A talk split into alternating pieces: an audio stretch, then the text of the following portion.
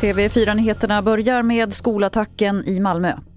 Sent igår kväll meddelade polisen att två kvinnor i 50-årsåldern som var anställda på skolan har avlidit av sina skador efter attacken. Ett eh, 50-tal personer befann sig på Malmö latinskola igår vid femtiden på eftermiddagen när den misstänkta gärningsmannen gick in på skolan enligt uppgifter med kniv där han gick till attack mot kvinnorna. Mannen är i 18-årsåldern och är elev på skolan. Samtidigt som andra elever och anställda fortfarande höll sig gömda inne på skolan sökte beväpnade poliser igenom byggnaden och meddelade sen att eleven troligen var ensam att genomföra attacken. Reporter här var Noah Tott och mer om det här finns på tv4.se. Inga överlevare har hittats efter flygkraschen i södra Kina igår kväll. Planet tillhörde flygbolaget China Eastern och 132 personer fanns ombord när det störtade av oklar anledning.